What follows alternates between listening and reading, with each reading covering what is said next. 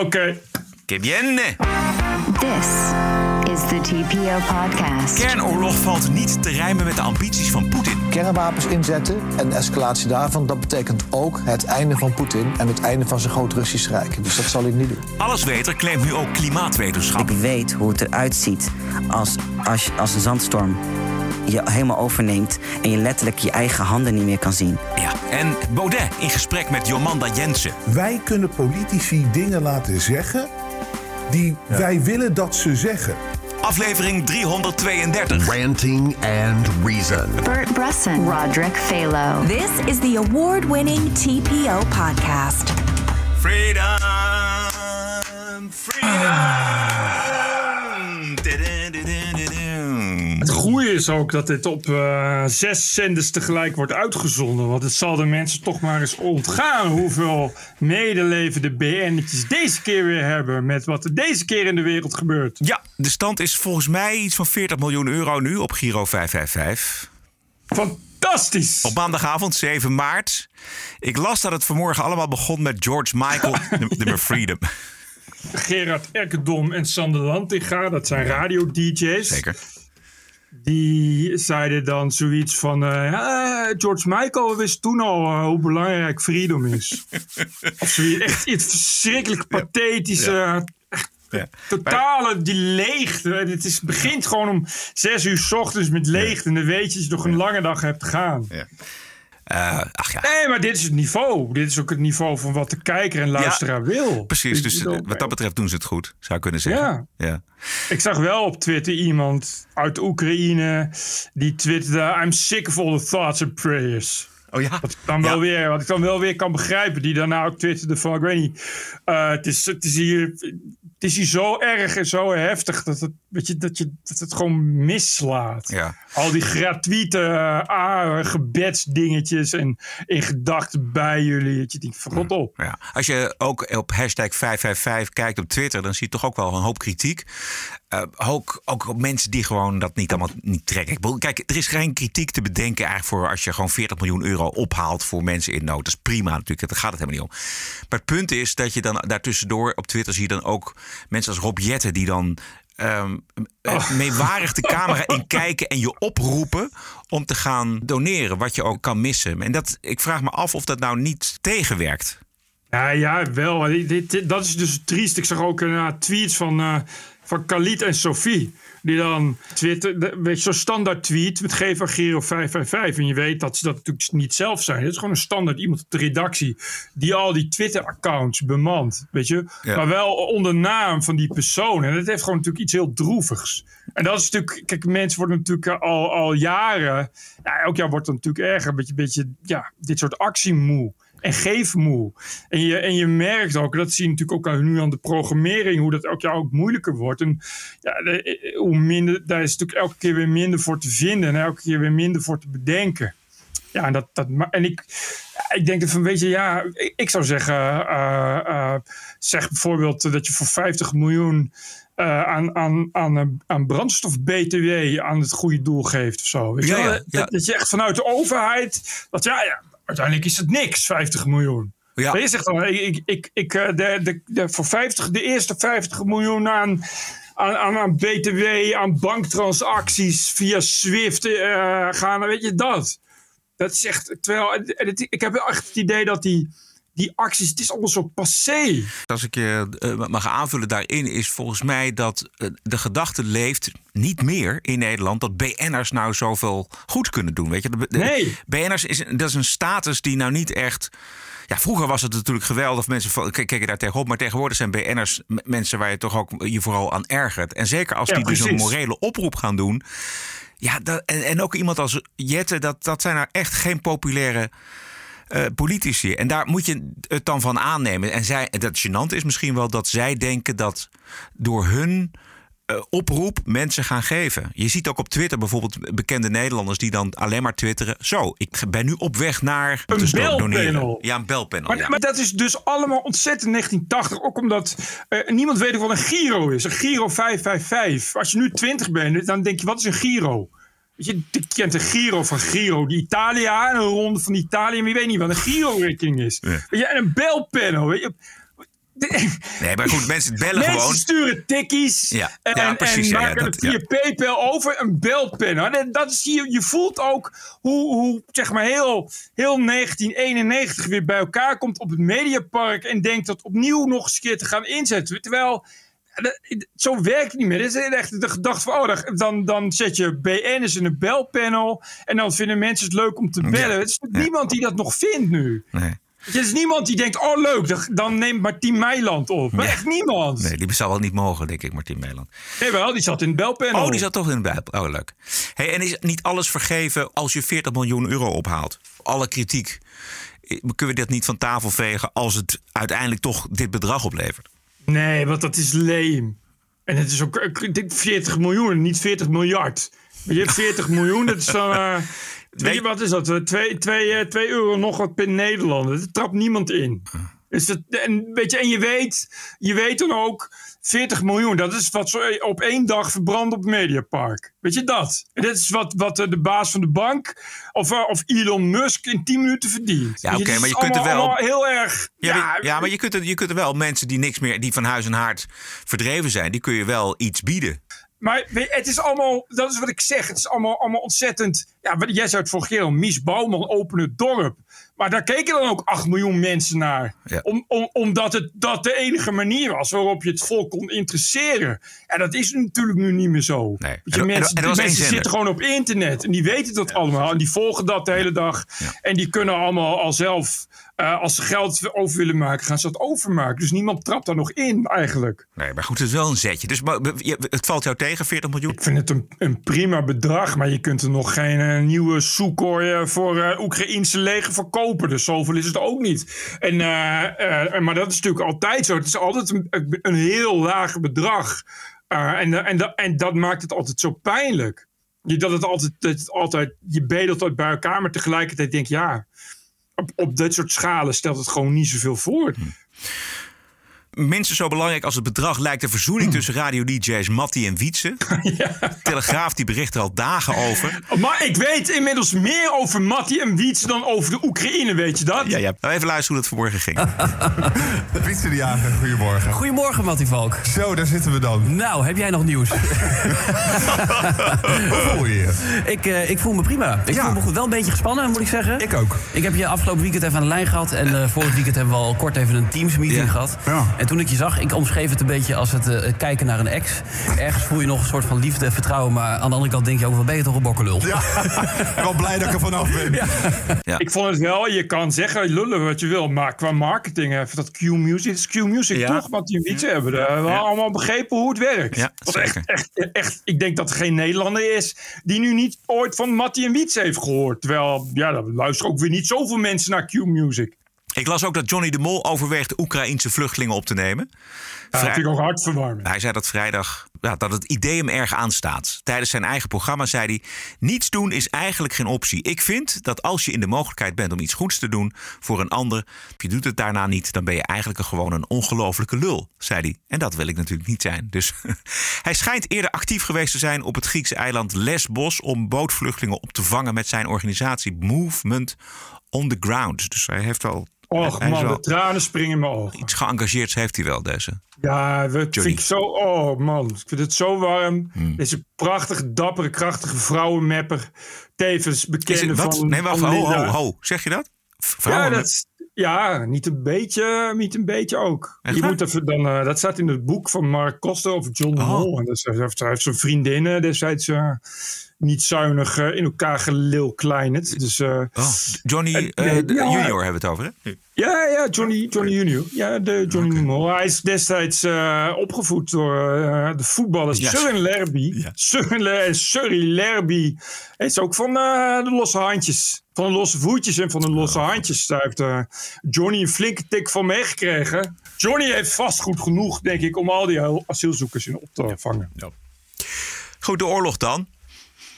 Eh, de Moskou-verslaggever van het Amerikaanse ABC... die meldde vanmiddag een officieel bericht uit Moskou... dat Poetin de oorlog wil beëindigen onder drie voorwaarden... waaronder hij hem ook eigenlijk begonnen is. Eén, Oekraïne moet in de grondwet de garantie opnemen... dat het nooit lid zal worden van een economisch of militair blok. NAVO-EU.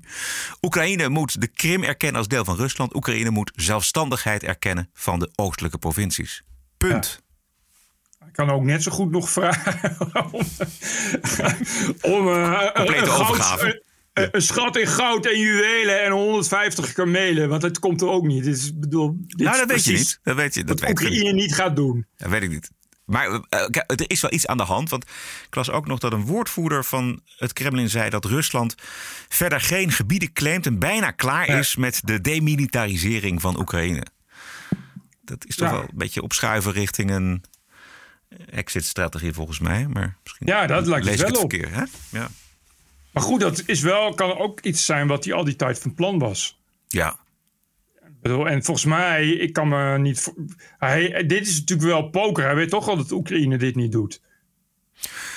Nee, ik ben ook eh, cynisch daarin. En eh, ik denk dat hij dit ook allemaal, die allemaal tijd rekken en, en, en kijken eens dat we van goede bedoelingen zijn. Maar goed, Maar je kan het proberen je kan het natuurlijk. proberen. Israëlische Turkse diplomatie brengt dan misschien toch wat beweging. Want de, de uitgangspositie van eh, Poetin is natuurlijk niet zo heel erg goed. Oorlog gaat niet zo goed voor hem. Nee. Het lijkt er steeds meer op dat eh, dit een, toch een erbarmelijk slecht voorbereide operatie is. Slecht voor de moraal van Russische soldaten. Daarover zometeen meer. Maar het kan ook een reden zijn waarom Poetin de Syrische dictator Assad heeft gevraagd om strijders te leveren. die ervaring hebben met stedelijke oorlogvoering. En dat meldde de Wall Street Journal gisteren. Poetin die had eerder ook al Tsjetsjense vechtersbazen nodig. Ehm, Ja, maar, dat kan, maar dat kan dus ook allemaal bluff zijn. Of bluff, Ja. dat kan ook allemaal eh, intimidatie zijn. En de vraag is, is- of het überhaupt helpt. Want die krant die haalt dan nog, de Wall Street Journal haalt er nog een, een, een Syrië-expert aan. En die zegt dat die Syriërs laten vechten in Oekraïne zo'n beetje hetzelfde is als marsmannetjes laten vechten op de maan. Weet Ja. je, ze, spreken de taal niet. eh, de, de omgeving is totaal anders dan in het Midden-Oosten. Dus die, het heeft allemaal niet zoveel zin. Maar het zegt iets over dat hij dat nodig heeft. Hij heeft toch een geweldig leger. Misschien dat hij toch ook wel, ja, hij is natuurlijk ook wel meer aan de hand. Bedoel, hij is een eh, rijke eh, stort in elkaar waar hij bij staat. Natuurlijk elke dag minder steun. Eh, en eh, eh, de economische sancties hakken er natuurlijk keihard in. Dus, dus hij, hij wil zo snel mogelijk. Eh, wat ik begrijp was hem wel echt eh, voor, voorgehouden door zijn strategen en zijn militaire bevelhebbers dat het allemaal een eitje zou worden. Dus hij zal toch wel langzaamaan flink aan het baden zijn. Dat denk ik ook. Hoe slecht het mora- de moraal is onder die Russische soldaten in Oekraïne. Dat blijkt uit een fascinerende video van drie Russische militairen die gevangen genomen zijn. Dan moet je natuurlijk altijd erg uitkijken met verklaringen van gevangenen Ja. genomen soldaten. Maar die, die, die vertellen doorgaans precies wat de partij wil horen die Ja, gevangen ik wou net zeggen. ge- ge- genomen zijn. Maar Deze gasten. uiterst, uiterst kritisch en objectief zijn Ja, die ja. krijgsgevangenen. Maar ik weet niet of je het gezien hebt, maar de- deze gasten die klinken wel heel erg authentiek. En wat ze zeggen komt eh, volledig overeen met waarom die invasie zo dramatisch verloopt. Het eh, meest aan het woord is een soldaat met een baard. En hij mist twee ondertanden. Heb je het toevallig gezien? Nee, ik zag het wel voorbij komen. Ik heb niet gekeken. Ja, nou, dit is onder meer wat hij zegt. э, что на территории Украины господствует фашист, Ja, via de media krijgen ze al maanden te horen dat de fascisten, de nazi's, de macht hebben overgenomen in Oekraïne. En dat de gewone bevolking van ze af wil. En daarbij geholpen moet worden eh, door de Russische soldaten. Dus deze soldaten die hadden al wat twijfels, omdat ze ook internet natuurlijk hebben. Maar heel veel Russen hebben geen internet, zegt hij. Toen hij Oekraïne binnenviel, eh, ging, toen kwam het verzet van gewone mensen kwam hij tegen, huilende vrouwen. En hij voelde enorme schaamte. En door dat enorme verzet onder de bevolking concludeert hij ook dat deze invasie helemaal niet te winnen is. Hij zegt: We kunnen het land wel bezetten, maar we kunnen hier niet leven. Niemand zal tegen ons praten. We zijn niet welkom. En dat worden we ook niet. En hij roept zijn kameraden op naar huis te gaan en familie en vrienden te vertellen over wat er echt allemaal aan de hand is in Oekraïne. En hij roept de Oekraïense leger op, als het even kan, de levens te sparen van die Russen, zodat ze terug naar Rusland kunnen en daar de werkelijkheid kunnen vertellen. Het is, eh, ik vond het heel indrukwekkend, moet ik zeggen. Het kan natuurlijk propaganda zijn, inderdaad. Het is natuurlijk wel, eh, dit is natuurlijk wel typisch eh, een mogelijkheid van iemand die buiten het zicht een geweer op zich gericht heeft en eh, van een briefje voorleest. Maar ja, het is natuurlijk wel een broedervolk wat ze aanvallen. Dus Ja. ik kan me wel echt heel goed voorstellen dat ze eigenlijk. Ze rijden daar naar binnen en, en, en wat ze aantreffen is inderdaad, eigenlijk net als Russen, mensen die niet begrijpen waarom ze worden aangevallen. Uh, en dat is toch wel, toch wel iets anders, inderdaad, denk ik, dan uh, opstandige, opstandige Tsjetsjenen neermaaien of, of Afghanistan ja, bezetten. Precies, ja, je, je ziet die, uh, die jongen die zegt, leest niks voor van papier. Die vertelt gewoon uit, loopt helemaal leeg. En hij vertelt het heel erg overtuigd, moet ik zeggen. En naast hem zitten nog twee anderen. En die, nou ja, die hebben wel bloed in hun gezicht, et cetera. En hij mist dan twee ondertanden. Maar het, ziet er allemaal heel, echt heel erg echt uit. Ik zag bij uh, GB News brigadier Paul Gibson, de voormalige Britse coördinator terrorismebestrijding. En hij zei het volgende over de dramatische invasie. I think the uh, Russians have not achieved the objectives they've probably set themselves in those early days. They've been stalled by uh, a heroic defense by the Ukrainian forces, which we've heard a lot about. But I think that defense has been clever. Um, they've used anti tank weapons in small groups. They've blown up bridges. They were hidden and now they're popping up. So the Russians can't control airspace. Uh, they're having to move uh, into night operations using helicopters mainly at night uh, because they're being shot down. So all of this is stalling the Russian advance. They've also taken a lot of casualties.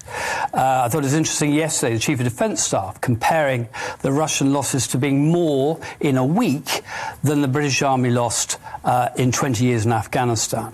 Meer gesneuvelde Russische soldaten in een week in Oekraïne dan gesneuvelde Britse soldaten in 20 ja. jaar in Afghanistan. Het, en veel materieel ook. Ja. Het, het is een enorme kostenpost. En die, die supply lines worden, worden met de dag uitgeput en langer en, en complexer. Uh, en het is natuurlijk een, echt een draak voor, voor, voor, het hele, voor het hele moreel van, van die troepen. Dus hoe, hoe langer je daar aan het spartelen bent en hoe, hoe vaker er inderdaad via de al dan niet uh, de serieuze nieuwskanalen en propagandakanalen voorbij komt, hoeveel Russen er weer zijn afgeslacht, hoe moeilijker dat wordt voor kennelijk toch al veel jonge gasten, dienstplichtigen, die eigenlijk erheen zijn gestuurd zonder het idee te hebben waar ze überhaupt heen worden ja. gestuurd. Ja. Uh, er wordt nu heel erg geroepen om een no-fly zone.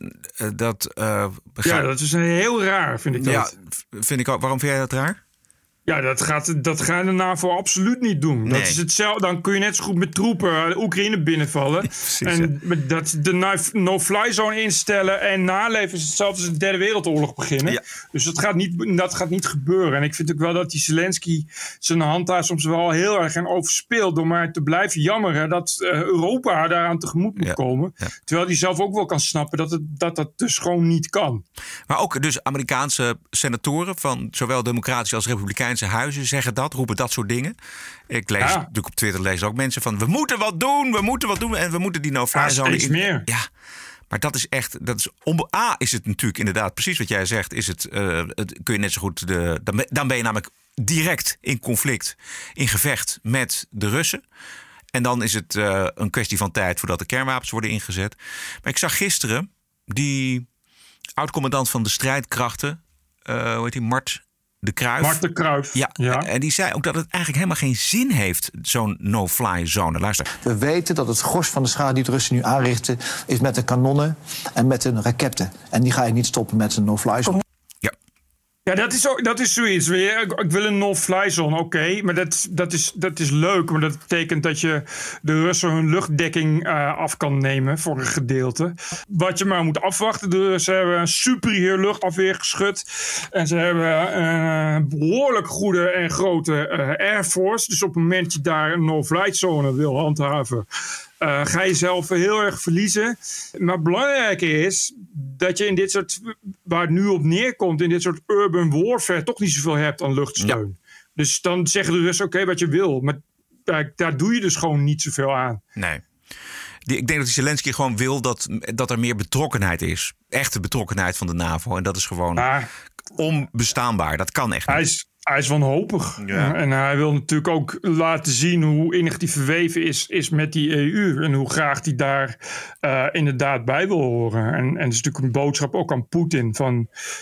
Van zie je, wat er, als, let maar op, de EU gaat mij helpen. Maar dat, dat, dat gaat gewoon niet gebeuren. Het is totaal, echt totale waanzin. Dat, dat, en hij- het, is, het is raar dat hij daar zo over blijft zeuren. Je vraagt je een beetje af, je vraagt een beetje af wat ze hem al die tijd hebben verteld. Dat zal me nu weinig verbazen dat hij toch eh, nu ineens tot de conclusie komt dat het allemaal eh, een stuk minder is dan dat het me de hele tijd is voorgehouden. Ja, zeker vanuit de, altijd- vanuit de Europese Unie, weet Ja. je wel. Dat die vreselijke van Toch Leyen. Kijk, ik Zelensky. Als jij nou eens even die Russen daar flinker afhoudt... en een beetje blijft irriteren en zo... alles wat gebeurt, wij bekken wel. Weet je, wij, eh, wij sturen wel troepen. En je ziet nu iemand die dan zegt... Hé, hey, wat, dat was toch de belofte? Oh ja, nee, nee, nee. Zo hebben we het niet bedoeld. Ho, nee, nee. Ik geloof dat uiteindelijk de Verenigde Staten binnen de NAVO gaat over een instellen van een no-fly zone. En dat, dat, dat zie ik echt niet gebeuren. Een ja, no-fly zone betekent gewoon ook het super, sowieso het einde van Oekraïne. Het einde van Europa. Ik bedoel, dat is... Ja, maar, eh, ja. maar een no-fly zone boven wat? Boven heel Oekraïne? Ik bedoel, het is succes ermee. Maar, maar dat, ik bedoel, tegen de, de, de, de, EU kan dat niet. Daar hebben we te weinig materieel voor, te weinig slagkracht. En dan, moet je, dan moet de, NAVO, of de Amerika te hulp schieten. Eh, ik kan je nu al vertellen... eh, dat, dat, eh, de, E- dat Turkije daar bijvoorbeeld niet op zit te wachten als NAVO-partner. Nee. Het is een totale eh, helloze weg die ook helemaal niets oplevert. Zolang die no-fly zone er niet is, en die zal, laten we hopen dat die er nooit komt, zijn ook het gebruik van kernwapens ligt niet voor de hand. Althans, volgens de Kruif. Poetin weet heel goed waar de rode lijn ligt als je praat over kernwapens. Dat weet hij heel goed. Het tweede is, eh, als je hem inzet, heeft het een enorme schade... die zich niet alleen beperkt tot het inzetgebied zelf. En de derde is, als hij dat doet, ehm, heeft het ook een effect op de wereld zelf. Want India en China zullen dit echt niet accepteren... want dit gaat grote consequenties hebben voor de stabiliteit Maar u in onze zei wereld. eerder dat als hij het op slagveld niet zou winnen, Poetin, dan past het in zijn doctrine om over te gaan op kernwapens. Eh, Dus de doctrine is dat het een legitiem middel is wat je kunt inzetten om in het gevechtsveld te kunnen winnen. Maar als hij ziet dat het gevecht niet kan winnen, is de vraag. Wat gaat hij dan doen?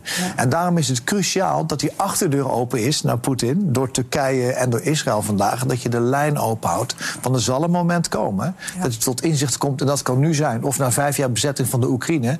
dat het niet lukt. En dan zal hij toch een andere keuze moeten maken. Maar kernwapens inzetten en de escalatie daarvan... dat betekent ook het einde van Poetin en het einde van zijn groot Russisch Rijk. Dus dat zal hij niet doen. Ja, dit is eh Martin de Kruif bij Op 1 Ja. gisteren. Eén, één puntje, ik, ben- ik geef hem helemaal gelijk, maar één puntje. ja, ook hij kan niet in het hoofd van Poetin kijken. dus, dus, dus je kan wel zeggen, Poetin eh, weet en Poetin zal, dat weet je niet. Maar dit is verder een beetje het verhaal, inderdaad. Ja. Eh, Ik kwam nog een ander interessant interview tegen van de Amerikaan Bill Browder. Is de baas van wat ooit de grootste buitenlandse investeringsfonds in Rusland was. Ooit supporter van Poetin na tien jaar zaken doen en onmin, in de onmin geraakt. En eh, aangeklaagd voor belastingontduiking in Rusland. Zijn advocaat Sergei Magnitsky, die onderzoek deed naar corruptie in Rusland, die werd gearresteerd en overleed in een Russische cel. Paar fragmenten uit een interview met Yahoo Finance met deze Browder op 2 maart. Eerste vraag is of Poetin ooit is teruggekomen op een ingeslagen weg. It's a really this, that's the most important question of, of our discussion, and the answer is a definitive no. Vladimir Putin can't. You have to imagine his, his world is the world of a prison yard. In a prison yard, you can't show any weakness. Um, if someone comes at you with a shank, you got to shank them ten times more and look around at everyone else and say, "Who else wants to be shanked?" That's that's Vladimir Putin's mindset. That's how he operates. And so when he has embarked on this on this horrific military uh, uh, invasion, it's there. There's no chance. Anytime he announces peace talks, that's just a tactic to either split up the resolve of the West or to delay some action to resupply or something like that. And so he is going to move forward. He's going to escalate. There's no retreat. There's no compromise. There's no diplomacy. He's all in it for for victory, however he defines that. Ja. Hij kent hem. Poetin zal ook wel veranderd zijn, maar kan veranderd zijn. Maar wat hij zegt is dat al die dat overleg wat nu gepland staat, dat dat allemaal geen zoden aan de dijk zal zetten. Nee, dat, maar dat is ook echt puur voor de bühne, voor de vorm. En inderdaad om op druk te zetten, om mensen nog meer uit te spelen, om, om twijfel te zaaien. Dit is, dit is gewoon verder onderdeel van psyops, denk ik. Ja. Ja, of bedoel je, ja, hij, je, ja maar hij, hij kan wel zeggen: ja, ik, ik, wil, ik wil dat jullie de Oekraïne in de, grond, in de grond willen opnemen neutraal te zijn. Maar dit slaat nergens op. Dat gaat de Oekraïne niet doen. Weet je, dat, dat, dat, weet hij, dat weet hij natuurlijk zelf ook wel. Nou, inmiddels misschien niet meer. We hebben natuurlijk eerder laten horen dat uh, verhaal van. Dat was volgens mij de Brits, of de Oekraïense ambassadeur in Groot-Brittannië. Die zei, die had zijn mond voorbij gepraat. Zei van, nou, dat, dat, dat is wel te bespreken. Maar dat is de vraag of dat überhaupt nu nog te bespreken is. Ja, of dat nu nog te bespreken is, betwijfel ik inderdaad. Ja, ja. Ik heb een wat langer fragment. De, de, de vraag is, wat is Poetins einddoel? Hè? Wat is zijn endgame? Well, this is a really uh, another important part of Vladimir Putin. Um, he, there, there is no endgame. So what you have to understand is he is not there for all the reasons that he says he's there. You can't believe a word he says. He's a, he's an inveterate liar. Um, his credibility is zero. And so any words that he has used to describe what he's doing should be discounted. The reason that he is in Ukraine is because after 22 years as a dictator, he, he sees the writing on the wall. He sees the writing on the wall, meaning that uh, the Belarusian uh, dictator next door was over, almost overthrown 18 months ago by his people. The Kazakh dictator, again, and next door in a different direction, was overthrown. And Putin realized that it was just a matter of time before the Russians overthrew him. And so, pulling straight out of the dictator's playbook 101, he um, he said, "What do you do to not get overthrown? You start a war." And uh, he's described Ukrainians as Nazis and drug dealers, and he's described NATO as an invading force and all sorts of things. He doesn't believe any of that. He's just trying to come up with a narrative to give the Russian people something to chew on um, in order for him to have a war, and his war is there to stay in power. And so when you say, what is his end game? It, it, there is no end game. His end game is to go move forward, to expand, to attack, to to take territory, to declare victories. But he has to keep on going, no matter what it is. And and this is just part of that process. And it and it and it, it's not like it just started now. I mean, the most recent version of this just started now. He was feeling under pressure in 2008, and that's when he invaded Georgia.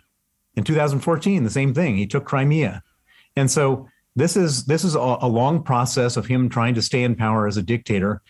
And the most scary part of this whole uh, story is that I don't have any belief that he he will stop. So let's just say that that he's successful in Ukraine, and and that's a very big question because the Ukrainians are valiantly fighting back. But let's say he was successful in Ukraine. That's not the end of his story.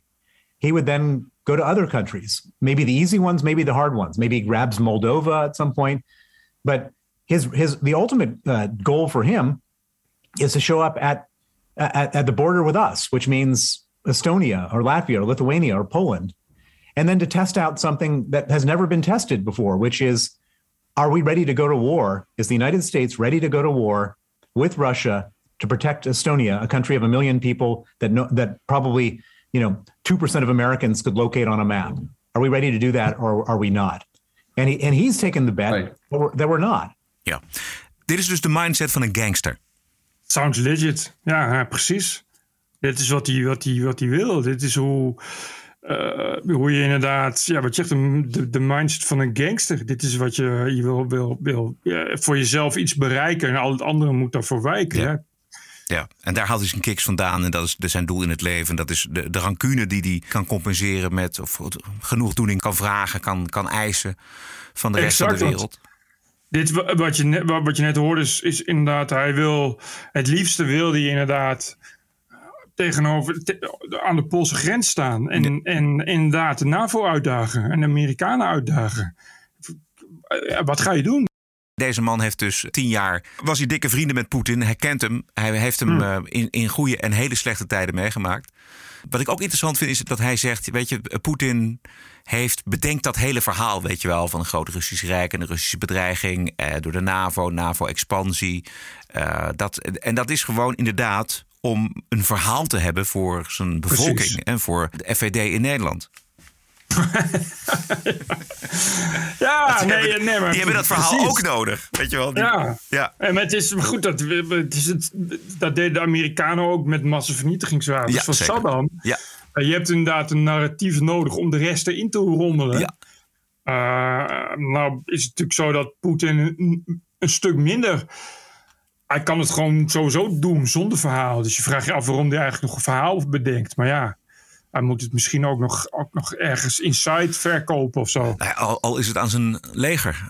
Ja, hè, precies. Aan zijn soldaten. Oh. Nog een eh, million dollar question. Hoe komen Ja. we af van het Rusland van Poetin, van, van Poetin dus? En eh, kan dat ook door eh, iemand die bijvoorbeeld een aanslag op Poetin pleegt? Well, I mean, everybody I know calls me up and says, "How's that going to happen?" And I and I say it's not going to happen. He um he's got this you know thirty foot table that he sits far away from everybody else. He he he's so paranoid. He's so worried about um, treachery and, and disloyalty, and he's such a disloyal person himself that um, there, there's nobody who's going to ever get close to um, killing him or you know palace coup type of thing. Uh, it's just not going to happen. And so um, I, I think the way that this thing, um, the, the most likely way that, that we stop him is just that he runs out of resources, that it just becomes, you know, he just doesn't have any money and no one's lending it to him and he's not earning it. And all the stuff he has, both um, at the central bank is frozen and with the oligarchs offshore is frozen. And, he, and it just can't afford to do it anymore. You physically can't afford it. Ja, dat is eh, het idee van Bill Browder. Dus je moet hem helemaal uitroken. Ik bedoel, uiteindelijk droogt het geld op. Het kan nog even duren, maar uiteindelijk droogt het geld op. En, eh, Je kan alleen maar wachten. Maar dat Ja. zie ik inderdaad heel veel mensen zeggen... ja, waarom leggen de Amerikanen hem niet om? Om de dood eenvoudige reden dat je niet bij hem kan komen. Nee, precies. Ik vond deze Browder zo eh, interessant. Ik heb nog één quoteje van hem. En dat gaat onder meer over of, of dit nou anders is dan hij zich vroeger gedraagt. Is dit een ommekeer? Is dit een sea change? In het, in het Engels is dat is dit een ommekeer in zijn gedrag. Well, what, what he's doing is exactly in character. I mean, look, he invaded Ukraine, he took Crimea, shooting down passenger planes, sending out assassins across England and other countries. This is all just par for the course. The sea change is how the West has reacted.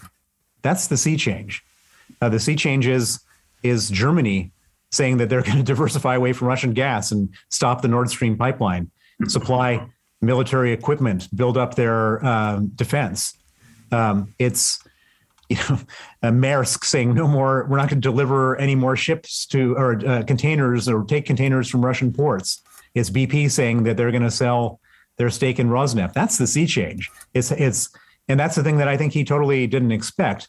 And the other sea change is that you know he rolled across Crimea pretty easily because there was no nobody there to, to to fight him, and Georgia wasn't wasn't so difficult, but the Ukrainians are fighting back, and um, they're fighting back hard, and and and making him look weak, and and um, and that that's kind of interesting and horrifying because a weak Putin or, or a Putin that's perceived to be weak is one is a perception he can't afford, and so he's going to have to do a lot of really awful stuff not to look weak, and that's going to. And I, I pray for the Ukrainians what what's what's going to happen next. Ja, dus het enige wat anders is, is de reactie van het Westen. En daar heeft hij niet op gerekend. Dat het Westen hem zo eh, het vuur aan de schenen legt ten aanzien van de financiële economische sancties. Die echt wel effect zullen hebben. En de Ja. draai van, van, van Duitsland. Het zijn wel dingen die, eh, die voor Poetin inderdaad, eh, eh, die hij niet had verwacht. En die hem de hele tijd toch, toch weer een, een tegenslag bezorgen. Nog meer?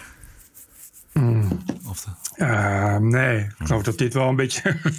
het is echt. eh, eh, ik kan ook geen deskundige meer zien inmiddels. Nee. Iedereen is inmiddels ook al Oekraïne-deskundige. Dus, dus je kan ook door de deskundige het deskundige bos niet meer zien. Maar vind je deze deskundige interessant die je nu hoort, gehoord hebt? Ja, dit zijn wel de interessante deskundigen. Maar er zijn dus ook een hoop non-interessante deskundigen die ook allemaal het woord krijgen. Mhm. Eh, en dat is een beetje. En ik word, je, je krijgt de hele tijd wat je nu de hele tijd krijgt. Dus mensen die, zonder dat ze ooit eh, eh, überhaupt Poetin hebben gesproken, gaan vertellen wat Ja, er, wat er ja, in het hoofd van ja. Poetin gebeurt. Ja, En- zo, de- psycholoog, precies, ja.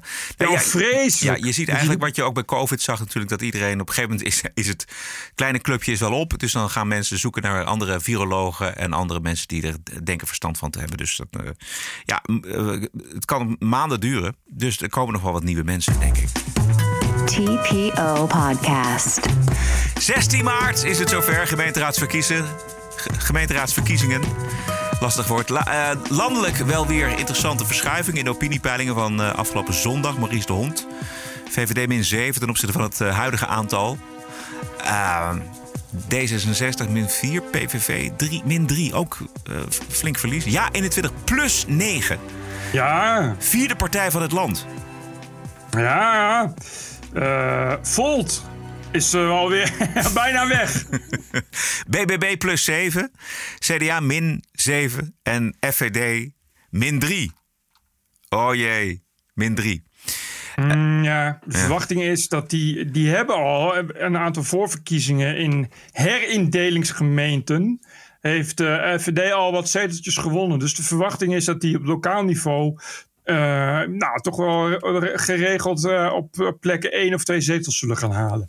Maar de- al die mensen hebben dan nog niet waarschijnlijk het gesprek gezien tussen Robert Jensen en, en Thierry Baudet. Ja, of, of juist wel. Dat is een beetje de makker bij FVD. Dat alles waarvan jij en ik denken... Nou, als de mensen dat weten, zullen ze wel niet op FVD stemmen. Als de mensen dat weten, dat zijn juist mensen die dan juist op FVD gaan stemmen. In de vrijdagshow afgelopen vrijdag hebben wij beloofd iets te laten horen uit het eh, wonderlijke gesprek tussen Robert Jensen en eh, Thierry Baudet. Ter promotie van zijn boek Het Coronabedrog. Wat vooral opvalt is het esoterische karakter van het gesprek, waarin Jensen de rol van een soort nieuwe Jomanda aanneemt. Jomanda Jensen. Ik heb eh, Bert, misschien te veel, maar het, het is echt humor. Nee, Eh, het is humor. Oké, goed, gaan we luisteren. Zie het als satire, dan kun je het luisteren. Ja, oké. Dit is echt een vraag en die gaat psychologisch wat meer. Wat, die, wat deze gasten, deze kwade krachten in de wereld, wat die kunnen doen, en dat kunnen ze al heel lang doen. Ze- En daar zijn ze ook trots op. Hè. Zij zeggen: wij kunnen politici dingen laten zeggen die wij willen dat ze zeggen. Nou, en, en, en dat is een soort van techniek, een psychologische techniek. Ze hebben natuurlijk ook zeg maar, de media, dat speelt daar een grote rol in, die, die in hun klauwen zit. Maar hoe zie je dat? Je hebt er zelf dan. Je kan bijna naar jezelf ook kijken op dat moment. Waarom ging je daar. Waarom, jij, jij die zo slim was. Als je ziet ook in, het, in, de, in de hele klimaatdiscussie. Dat heb je zo doorprikt. En daar, zet je, weet je, daar zit je zo sterk in. En andere dingen ook. Hoe kan het dan psychologisch dat zoiets als dit, dat zelfs jij in eerste instantie. En natuurlijk, je, bent, eh, hè, je, je hebt het van jezelf een lange ingezien, vraag. Maar het is psychologisch ook interessant. Hoe gaat. Wat Ja. gebeurt er? Wat Nou, gebeurt er? Ja, het is bijna wanhopig. Wat gebeurt er? Wat gebeurt er? Het is, dit is echt GGZ-radio, hè? Dit is, je hoort hier echt... Die gast is gek, echt. Het is niet eh, echt een specifieke vraag, maar meer denk ik in algemene zin gewoon van wat gebeurt er? En het antwoord van Baudet op wat er gebeurt is dit. Ik denk dat bij mij een eh, bewustzijnsvernauwing ontstond die te maken heeft met angst. En ik ben daar weer uitgekomen. Maar ik was eh, korte tijd niet goed in staat om nuchter naar de feiten te kijken. En dat had niet alleen te maken met angst voor de dood, want dat heb ik eigenlijk niet zo sterk gehad. Maar wel angst voor de, voor de maatschappij. Angst voor mijn positie in de maatschappij. Ijdelheid dus ergens. Ja, toch best interessant. Goh. Het universum. Je verwacht het niet. Nee, het, het universum schudde op zijn grondvesten. Feiten waren niet meer als zodanig zichtbaar. En Baudet zegt dat die periode volgens hem dus kort duurde. Dus die is al afgelopen, wat hem betreft. Het gaat Baudet niet zozeer om de feiten, want anders kun je ook eigenlijk niet van het ene complot naar het andere zweven. Maar het gaat om bewustwording. Ik hoop dat eh, dit boek, maar ook gewoon wat, wat je doet met je show en wat er nu gebeurt in Nederland, voor heel veel mensen wel een soort bewustwording is. Waardoor er, een, ja, het klinkt een beetje zweven, maar een hoger Nee, niveau nee, of een dieper niveau van eh, bestaan wordt geopend. En, maar dat gebeurt En- en, en dat, is massaal. Het is, het is goed hoe je dat, eh, hoe je dat inderdaad eh, omschrijft. En het is ook zo'n leerzame tijd. Maar in- weet je, je, kan, je kan veel leren over jezelf en over hoe dingen echt zijn. En dat is een confrontatie, maar dat is zo'n verrijking. En het is ook de hogere... Ja, ja dit klinkt zweverig, maar het is de Nee, hogere nee energie... waarop we moeten gaan leven. En dat dat is de enige manier om hier uit te komen. En niet om je naar beneden te laten slepen. En, en, dat, dat, dat, is, dat is niet... Zo kom je er nooit uit. Ik, wat een geraaskal. Heere Jezus, ik heb echt... Er is geen touw meer aan vast te knopen ook op een gegeven moment. Hogere energie. Goeie, hè? Eh, Robert Jens over hogere energie. Waar, waar zijn we toch in aanbeland, Ja. in godsnaam? Ja, het is echt ongelooflijk. Hou op, alsjeblieft. Het is het is Nee. niet te harde, dit soort onzin. Ja. En er luisteren dus, ik weet niet hoeveel mensen naar. Het is toch niet te geloven allemaal? Ja. Er is ook nog een moment dat Baudet toegeeft te twijfelen aan de maanlanding. Dus, dus dat er mensen op de maan zijn geweest, dat gelooft hij volgens mij niet. Dat, dat, dat is leuk dat je dat zegt, want daar dus ook al die tijd, dus bijvoorbeeld de maanlanding, hè, ontzettend veel vragen bij te stellen. Ik zou die beerput even niet ook- opentrekken op dit moment, eh Thierry. Nee, maar wat- ik geef je even vriendelijk advies. Maar ik ben het helemaal Wat met je ik, eens. wat ik- Oké, maar wat ik bedoel te zeggen, eh, ze hebben ons zo onder druk gezet de afgelopen twee jaar. Ja, ze. Ze. Ik wou net zeggen, ja, ze. Weet je, wie zijn ze? waar, waar heb je het dan? Dat dit, is het- dit is echt, echt, dit is echt, ja, dit is echt iemand, ja, je zit hier gewoon in, in iemand live naar iemands psychose mee te luisteren. Ze hebben het is gewoon niet normaal. nee, deze twee die hebben het voortdurend over ze. En dat is natuurlijk Ja. ook de beste aanspreekvorm voor de tegenstanders in algemene zin in hun complotten. Hè, de- je, je, je- je kan, je kan altijd verwijzen naar ze. Wie zijn ze? Dat is de grote vraag. Elke keer als ik die mensen ook zie, dan, Die mensen. dan voel ik in mijn lijf, dan voel ik gewoon, ai, ik voel iets naars. Ik voel iets... Ze hebben de Ah, maar dit, dit is bijna echt zielig. Dit is toch Jomanda? Dit is, dit is, Ja, maar- wat is dit voor sessie, man? Ah, voel het omgekeerd. Dit is echt heel zielig. Ja. Je hoort hier gewoon eigenlijk iemand die in geestelijke nood verkeert. En het punt is een beetje dat eh, normaal als mensen dit soort shit raaskallen, dan zeg je van nou, misschien moet je maar even een keer toch met iemand gaan praten. En eh, een nachtje in een cel met zachte witte wanden, zodat je niemand kan beschadigen. Maar dit is, en die Jensen is, is, is natuurlijk een, een dubieus individu die dit soort dingen uitmelkt en uitmelkt. Ik, ik weet niet of hij een businessmodel heeft, volgens mij ook niet zoveel, maar ik neem aan dat hij gewoon wel donaties Ja, krijgt en ja. dat soort dingen. Ja. En, je, en je ziet hier een heel nieuw, nieuw iets ontstaan. En dat is echt, echt eh, wat, wat vroeger nog verward was, is ineens een businessmodel geworden. Ah, dit, zijn natuurlijk dit zijn de esoterische mensen die geloven in. eh, je- vroeger had je zo'n boek dat heette. eh, waren de. Eh, Waren de goden cosmonauten van. Erich van Ja, Daniken. Zo de mythes zegt. Nou goed. En zo zijn er natuurlijk een hele stapel boeken en ideeën en films eh, gemaakt. Die, van mensen Nee, die, die op zoek zijn naar antwoorden. En dat is ook het mooie van dit gesprek. Ze, ze kunnen niks met de feiten. Dus daarom wordt het wolliger en esoterischer en kosmischer. Kan het bijna niet. Alleen in die omgeving kun je natuurlijk je verhaal, wat het ook verder is, kun je staande houden. Ja, dat is wel inherent aan verbonden. Ja. Dat je uiteindelijk in, inderdaad in, in een soort transcendent gelul eindigt. Ja. Omdat je, je natuurlijk niet... eh, er zijn verder geen, geen, geen houvasten meer waaraan je, waaraan je kan optrekken. En je, je zit, kijk, het probleem is in, dat in dit soort, dit soort bizarre dialectiek kom je inderdaad alleen maar eh, tegen alleen maar een soort van eh, abstracte ideeën tegen. Dus dan kom je op ze. En die mensen en, en, en de anderen. Maar dat blijft per definitie zweverig. Omdat het natuurlijk niet. eh, Het valt niet aan te wijzen. En het, is heel erg, het wordt heel erg bepaald door wat hij eh, eh, op dat moment ook voelt. En, en dat is natuurlijk een- een, wereld van, van hem tegen de rest van de wereld. Dit, is, dit is gewoon een soort fluïde concept geworden. Van ze, want iedereen is in te ruilen voor ze. Ja. Iedereen, da- en, dat is, ja. en dat is dus de vijand, is een soort, de hele omgeving wordt een soort vijandig, bijna organisch geheel. En, en dat is precies wat het zo ziekelijk maakt. Nog eens een klein stukje? Ze hebben de Ja, waarheid omgekeerd. En dat voelt echt zo naar. Die omgekeerde waarheidwereld die ze gecreëerd hebben. Eh, ze hebben nu tv-stations in de Europese Unie verboden. Ze willen eh, proberen onze partijen te verbieden. Eh, Ongehoord Nederland, als dan iets met een enigszins ander geluid op tv... dat wordt ook nu weer aan banden gelegd. Wilden ze eigenlijk überhaupt niet op tv uitzenden. Ik geloof in die menselijke spirit dat ze krijgen de echte mensen die gaan voor vrijheid en die dat gevoel hebben, krijgen ze er niet onder. En ze, maar dat ze het gaan proberen, absoluut. En vrij snel al. Ze hebben een val gelegd of gemaakt voor je. De chip. Dat is de, ze zijn al heel ver in. En mensen zijn, we- Jesus weten niet hoe ver ze eigenlijk al zijn. En hoe Eh, lang dit al gepland is. Dit is al zo lang gepland. Maar- al in de jaren 70 daarom- hebben, ze, hebben, ze die, hebben ze die chip al gepland. Dit is gewoon het, dat, weet, dat wisten ze gewoon. Misschien in de jaren 60 hebben ze dit al ingezet. Oh man, wat een madness. Totale madness. Ongelooflijk. Het is toch niet te geloven dat mensen nog lid zijn van Forum voor Democratie... dat ze deze kwezel nog begrijpen en, en nog serieus nemen. En dat ze, naar, naar, dat ze met z'n honderdduizenden naar Jensen gaan kijken. Dat is toch niet te geloven? gelul over die chip ook, ja, dat is. Oh, eh, het is al zo oud als de wereld. Weet je, Eh, vroeger waren het geen chips natuurlijk, maar.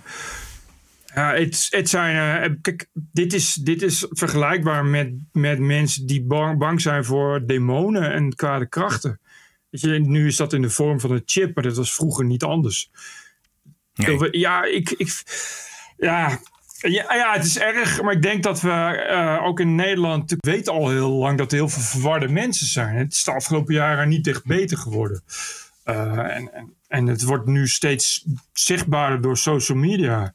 En ik denk dat, dat een, een gedeelte van die mensen ja, eindelijk zich gehoord voelt en zich aan dit soort mensen vastklampt, wat wel gevaarlijk is. Met Ja. fakkels lopen ze door, eh, Ja. door de straten van Den Haag. Het probleem bij dit soort mensen, bij dit soort wanen, is dat voor degene die ze heeft, die wanen gewoon keiharde waarheid Ja, zijn. ja. Dus het, het is niet. ik- wij lachen erom omdat we, omdat, we, omdat we niet aan die wanen lijden. Maar die mensen die er wel aan lijden, die, voor hun is het gewoon echt. En voor hun eh, is, is elke dag ah, oorlog en is elke dag een strijd tegen levensgevaarlijke machten. Weet je, dat moet je, niet, moet je niet onderschatten. Maar ik vind wel dat dat soort mensen hulp verdienen. TPO Podcast. Dit is jouw TPO-podcast. Twee keer per week wordt het je aangeboden. Op dinsdag zijn we gratis. Op vrijdag moet je abonnee zijn. Ranting and Reason. Schrijven kan naar info.tpo.nl. Hebben hebben nog mensen geschreven, Bert? Ja, twee. Eh, de eerste is van. eh, die zegt: Noem me maar Bleek. Hallo rechtse rakkers. Ik ben al heel lang luisteraar met een zuiver geweten door het kopen van aflaten via donaties. Goed zo. Ik was bezig om aan Patreon te beginnen, maar ben nu direct lid geworden van Petje Af toen dat werd aangekondigd. Daarnaast heb ik natuurlijk ook een donatie gedaan, want ook de dinsdag betaalt zichzelf niet. Dit klopt. Ja. ik heb, heb ik nog namen van mensen die zich moeten melden? Nee, want ik verkeer niet in die kringen. Dat gezegd hebben, gezien de ontwikkeling in de Oekraïne, komt er misschien weer een actieve dienstplicht. Dus als je je niet hoeft te melden voor het leger, dan moet je als vaderlandslievende Nederlander je melden voor de TPO-podcast. Het zullen er vooral de heren onder ons zijn die daadwerkelijk gaan. Dus dames ook melden. Alle mensen met een baarmoeder, moet ik zeggen, moeten naar petje af en doe daarnaast gelijk een donatie om je land te helpen in deze roerige tijden. Met vriendelijke groet en Rense Blake. Blake. Thank you, Blake. Eh, dit is van Jan Beers. Beste TPO-podcasteurs. Naast Petje Af abo doe ik ook altijd een jaarlijkse donatie voor deze broodnodige podcast. Jullie zijn een inmiddels onmiskenbaar en kritisch geluid tegen die zowel links als rechts draaiende patjepeers en alle gefeminiseerde woke-psycholen. Mogen deze podcast lang blijven voortbestaan. Groeten van Jan Beers. Jan Beers, geweldig, dankjewel. Spijker op zijn kop, dit waren ze. Als je ook wilt schrijven, dan schrijf dan naar info.tpo.nl. En wil je doneren, ga dan naar tpo.nl slash podcast. Daar vind je alles. TPO Podcast. Ja, op de TPO podcast vrijdag is toch een speciale dag, de hele Wokweek. En eh, dinsdag dan een klein voorproefje van de Wokweek. Maar wij concentreren de Wokweek op vrijdag. Is ook lekker terugkijken. Dus wil je de Wokweek beluisteren en de rest wordt dan lid van de TPO Podcast, abonnee, ga naar petje.af slash TPO Podcast. Zo simpel is het. Afgelopen maand is er een nieuw boekje verschenen van de allesweter Moenier Samuel. En Moenier Samuel is zowel van kleur als van transgender. en dus is er altijd wel een redactie te vinden die nog wat diversiteitspuntjes kan gebruiken. En Moenier Samuel een prominente plek geeft op radio of televisie. En helemaal met een nieuw boek, want eh, dat nieuwe boek gaat over de gevolgen van klimaatverandering. En daar weet Samuel natuurlijk ook alles van. Zo was te horen zondagochtend op Radio 1. Mensen hebben wel ook journalisten nodig van kleur die dingen in perspectief kunnen plaatsen. Want je ziet dat het klimaatdebat in Nederland vrijwel uitsluitend door witte, cisgender, heteroseksuele mannen wordt geleid. die bijvoorbeeld heel erg techniekfuturisten zijn. Wat? Ja, wat, precies. ik, ik, ik, Zal ik het nog eventjes? Ja. We beginnen nog even helemaal vanaf het allereerste begin. Mensen hebben wel ook journalisten nodig van kleur die dingen in perspectief kunnen plaatsen. Want je ziet dat het klimaatdebat in Nederland vrijwel uitsluitend door witte, cisgender, heteroseksuele mannen wordt geleid. die bijvoorbeeld heel erg techniekfuturisten zijn. Techniekfuturisten? Venturisten. Dus het, ja, dus het idee Oké. is dat. Sowieso is het een aanname natuurlijk dat het eh, klimaatdebat in de wereld door witte heteroseksuele cisgender mannen wordt gevoerd. En dat die vooral een, een, een voorliefde hebben, laten we het maar zo zeggen. Een voorliefde hebben voor techniek. Dus met allerlei mooie technische oplossingen voor het klimaatprobleem op de proppen komen. Maar dat is niet goed, vindt de heer Samuel. Luister. Dus die geloven heel erg dat de technologie de oplossing gaat zijn. Maar ik hoef alleen maar aan mijn familie in Egypte te denken... die nog nooit in hun leven een nieuwe laptop hebben gekocht of een nieuwe telefoon. Om te weten hoe ontoegankelijk veel van die techniek is... voor grote delen van de wereld. Los daarvan, ik lees heel vaak in hele mooie klimaatboeken... eh, bijvoorbeeld van Jelmer Mommers van... Ja, en Van de correspondent. Bijvoorbeeld ja, van arme... on- eh, en er zaten letterlijk zinnen als... In, in ontwikkelingslanden of in ar- arme landen zullen nog veel harder worden geraakt... door deze crisis of deze klimaatverandering... omdat zij niet over de middelen beschikken. Dit zal leiden tot conflict, honger, weet je wel, dat soort termen. Het is waar. Alleen, het verschil is dat ik weet hoe honger ruikt. Dat ik weet hoe conflict eruit ziet. Dat ik weet hoe het is om wekenlang in een vluchtelingenkamp te zitten. Dat ik weet hoe het is als een kind van ondervoeding in je armen sterft. Dat ik weet hoe het eruit ziet als, als, als een zandstorm je helemaal overneemt en je letterlijk je eigen handen niet meer kan zien. Ik heb ook midden in bosbranden gezeten. Ik weet hoe dat voelt, eruit ziet. En dat maakt het anders, de urgentie ook van het boek anders. Omdat wanneer we het hebben over termen als overstroming, bosbranden en oorlog... ik dat allemaal aan de lijve heb ondervonden door mijn correspondentschap. correspondentschap. Eh, wij rollen wel echt van de ene psychose in de andere hè, vanavond. Godsamme kraken, dit zijn, man. dit zijn de klimaatvinkjes volgens mij. Dus je, eh, als, je, Jezus, als, je, Jezus. als je zowel in een zandstorm hebt gezeten en in een vluchtelingenkamp en nou ja, je bent over de hele wereld correspondent geweest, dan ben je geschikt Dan mag als, je wel over... Ja, even, dan mag je er ook, ook over klimaat het een en ander vertellen. Voor iedereen die een beetje kan slachtofferdrammen, hoppakee, je kunt zo naar Radio 1. De hele wookweek nemen we door op de TPO podcast vrijdag dus. Luisteren kan als je abonnee bent. Ben je dat nog niet? Abonneren kan al voor 4 euro per maand. Ga dan naar petje.af slash TPO podcast voor de vrijdagshow met de hele wookweek. Twee keer per week de TPO podcast op dinsdag en op vrijdag. Twee keer per week. Ranting and Reason. Al vijf jaar lang op dinsdag voor noppes. En dat blijft ook zo. Maar de vrijdagshow is nu exclusief voor leden. Voor 4 euro per maand of 40 euro per jaar. De TPO-podcast. Twee keer per week en maar één keer betalen. Elke week de vrijdagshow voor maar 4 euro per maand. Keep the show running. Ga naar petje.af slash TPO-podcast. Don't miss. Ik heb eh, toch nog een bonusquote, Bert. Of hebben we alle, kan, zijn we al toe aan de, aan de bonusquote? Ja, ja, ja, laat me Ja. horen. Ja, het is, een, het is een hele korte, maar hij gaat toch ook weer over Biden. We hebben vorige week, of afgelopen vrijdag, natuurlijk hartelijk gelachen om eh, het moment dat hij dus dacht dat Rusland Iran eh, was binnengevallen. En nu had hij ook weer zoiets raars. Luister. How do we get to the place where, you know, Putin decides he's going to just invade Russia? Nothing like this has happened since World War II. Wat? is met Poetin ook al Rusland binnengevallen. Precies. No! Wat- wat Let's go, Brandon! Let's, go, Brandon! Wat moeten we doen als straks Poetin eh, heel Rusland binnenvalt? Ja, dat is inderdaad een belangrijke vraag. Kijk, ik weet, begrijp wel best wel dat hij af en toe een steekje kan laten vallen. Maar het, het worden op deze manier wel een hoop steekjes. Het zijn wel heel veel steekjes. Het is een aaneenschakeling van steekjes. Ja. Seniele oude man die onverstaanbaar brabbelt. is, eh, ja. Ja, en dat dat nou de president is, dat is toch eh, ja, van zo'n, op zo'n belangrijk moment komt het dan wel weer naar voren. Want volgens mij maakt het ook op Poetin helemaal niet zo'n stevige indruk natuurlijk. Die moet er Nee. alleen maar ha- hartelijk om lachen. Dit is wel een beetje precies wat Poetin wil ook. Dat is een beetje het idee. Dat gaat hij inderdaad uit, uitmelken. Dat is dus wat we er straks hoorden. Dat hij kan laten zien van ja, eh, je, je, je kan van mij alles vinden, maar kijk hoe het Westen is geworden. Kijk wat ze er daarvan hebben. Kijk wat die, wat die fijne liberale democratie van ze. Wat ze er daarvan hebben gekozen. Dat is precies de taal die, die Poetin zal spreken. Ja, ja je, je kunt beter een sterke man naar voren schuiven, zoals Juist. ik. Goed, elke dinsdag en vrijdag online via je favoriete kanalen. Vrijdag zijn we terug met onder andere de Woke Week natuurlijk. Daarvoor moet je dan echt toch wel lid worden en abonnee worden van de TPO Podcast. Doe het gewoon. Ga naar petje.af slash TPO Podcast en eh, word lid voor een maand of voor een jaar. En dan kun je gewoon via je eigen kanalen gewoon weer met de link. eh, dat wijst zich allemaal vanzelf. Kun je gewoon eh, iedere week, twee keer per week, de TPO-podcast beluisteren. Ja, ik zou gewoon sowieso echt lid worden. Want eigenlijk zijn wij wel de Mattie en Wietse van podcastland. dat heeft wel echt niemand mis. Goed, stay cool en... Tot vrijdag, Robert Jensen. Grote, denkende filosoof dat je er bent. Wat gebeurt er?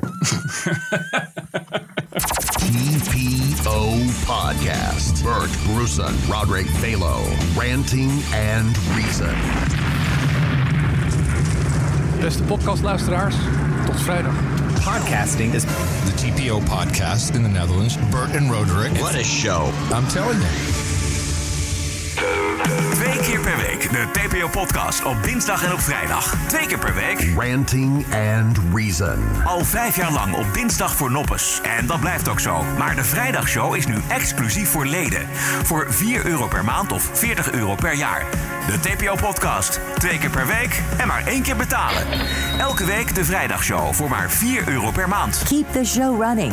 Ga naar petje.af slash TPO-podcast. Don't miss. Don't miss.